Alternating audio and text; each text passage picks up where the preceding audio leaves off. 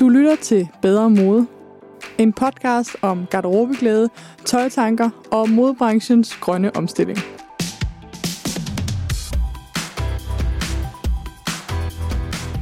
Jeg hedder Johanne Stenstrup, og jeg er din vært her på Bedre Mode. Jeg er Danmarks første bæredygtige modeblogger og har blogget på bedremode.nu siden 2014. Dengang der opdagede jeg, hvor ikke bæredygtig, hvor svinende og hvor undertrykkende modebranchen kan være. Siden da har jeg været på en rejse om at få en mere bæredygtig garderobe, og jeg prøvede at lære alt, hvad jeg kunne om materialer, designer og tøjets påvirkning på kloden. Jeg har lært utrolig meget, men jeg har også lært, hvor meget jeg ikke ved. Og det er derfor, at jeg synes, det er fantastisk at have fået den her mulighed for at snakke med de vildeste eksperter på området. I 2017 der blev jeg færdiguddannet som fashion manager på Københavns Erhvervsakademi, og siden da har jeg drevet det bæredygtige livsstilsmagasin Sustain Daily. Jeg beskæftiger mig altså med bæredygtighed til hverdag. Men i den her podcast, der dykker jeg endelig ned i et af mine yndlingsemner, nemlig tøj og garderobe. Vi skal snakke om vores forhold til, hvad vi har på, og vi skal snakke om dets indvirkning på planeten, men vi skal også snakke om, hvordan vi snakker om tøj. Om tøjkultur, om tøjskam og om tøjglæde. Og jeg er heldigvis ikke alene i podcasten. De næste mange afsnit skal I nemlig høre fra min medforfatter Else Skjold. Og ja, medforfatter. For udover at lave den her podcast, så laver vi sammen en bog, som hedder Klæd dig bedre. Det er en bog, vi sammen skriver, og den udkommer i august 2020 på Gyldendal. Jeg hedder Else Skjold, og jeg er lektor i design og bæredygtighed på øh, KADK, skolen med det utroligt lange navn. Og jeg har været med til, da jeg startede min, øh, mit phd studie i 2008, der var jeg med til at simpelthen udvikle det, der hedder garderobemetoden. Det, du skal høre nu, er et lille sneak peek på nogle af de emner, du kan høre over de næste 30 uger, hvor jeg har spændende gæster i studiet. Vi har nemlig lavet research til bogen i form af podcast, og du kan høre en masse mere til Else og en masse andre seje eksperter, forskere, kloge kvinder og spændende tøjnørder. Else og jeg har især en drøm med bogen og den her podcast. Det er, at vi begynder at tage vores tøj seriøst, at vi begynder at snakke om det med stolthed, og at vi især holder op med at skamme os over den.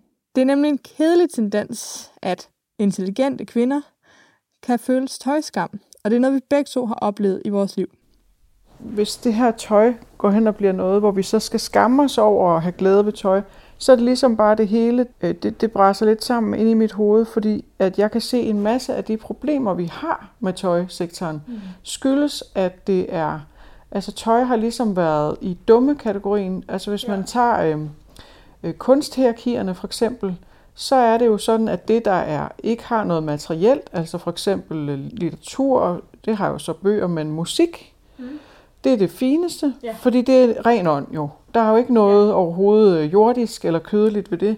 Mens at øh, mode, det er jo så noget, man har i hvert fald de sidste 200 år forbundet med kvinder og forbundet med, øh, med krop. Mm.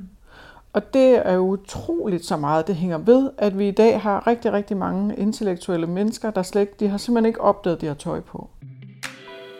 Så hvad kan du forvente af den her podcast? Jeg har lavet 30 episoder, og i dem der skal vi dykke ned i alt fra tøjkultur, tøjnormer, over praktiske emner som reparation og vask. Vi skal også kortlægge genbrugsmarkedet, fordi det ved jeg, at rigtig, rigtig mange af jer er nysgerrige på. Og til sidst skal vi se på fremtidens forbrug, forretningsmodeller og hvordan vi kan gøre den her tøjindustri meget mere grøn. Det sker rigtig tit i de her interviews, at vi dykker helt ned i historien og ser på, hvordan tøjkulturen har været førhen, og hvordan vi historisk set har behandlet jorden, hinanden og vores garderober.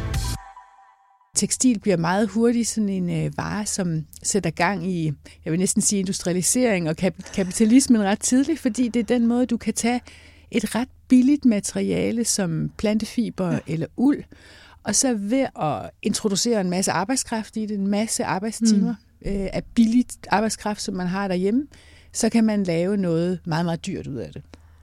Så, og det er, jo, det er jo det, som man drømmer om som i den moderne verden, det er, hvordan kan man skabe en mega profit øh, ved så billig arbejdskraft som muligt. Det har man ligesom det har man ja, haft. i mange tusind år.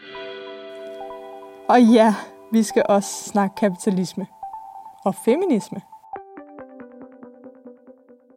Så det er feministernes skyld, at vi ikke kan reparere tøj i dag. Man kan sige, at det er en, en nødvendigt offer.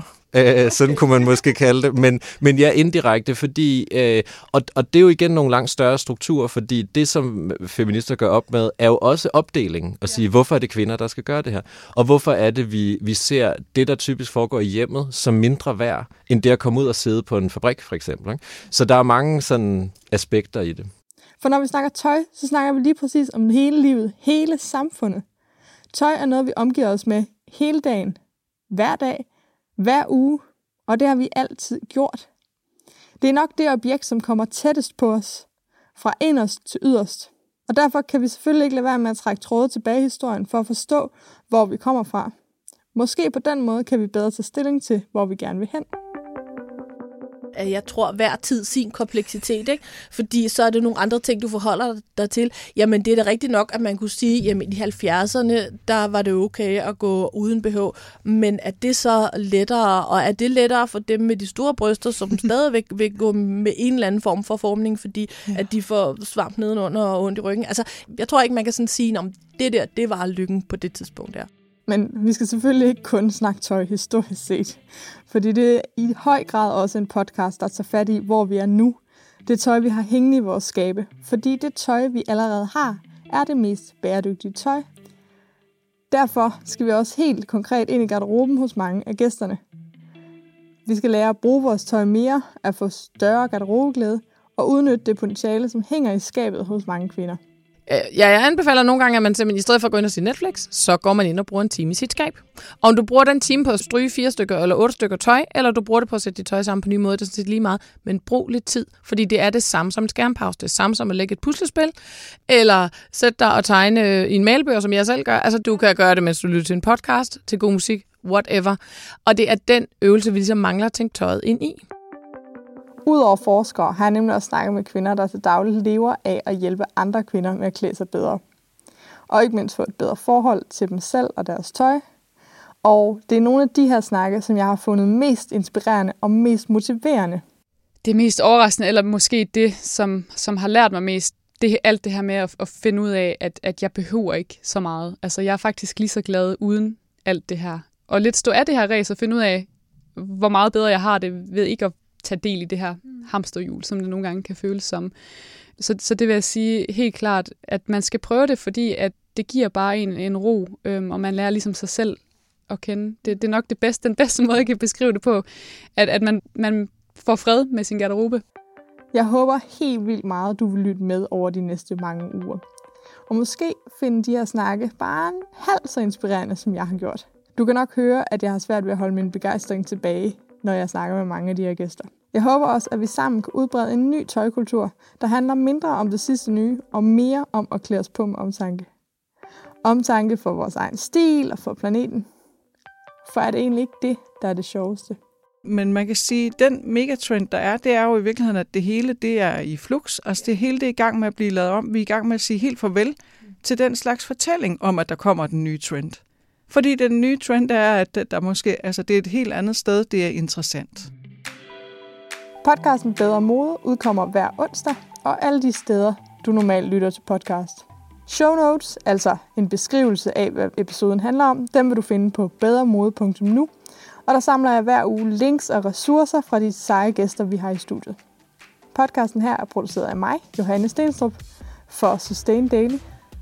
Den er klippet af Annette Halstrøm, og du kan høre interviews med Else Skjold, som altså kommer tilbage i mange episoder, så kunne du høre fra Marie-Louise Nosch, som du vil høre om i episode 2. Frederik Larsen, du kan møde i episode 10. Frederik Heidt, som vi har med i episode 14. Laura Terkelsen, som du vil høre om i episode 19. Og Sine Hansen, som du vil møde i episode 18. Der er som sagt 30 episoder klar. Eller, når jeg lige får dem klippet, er de klar. Og jeg håber virkelig meget, vi lyttes ved på onsdag.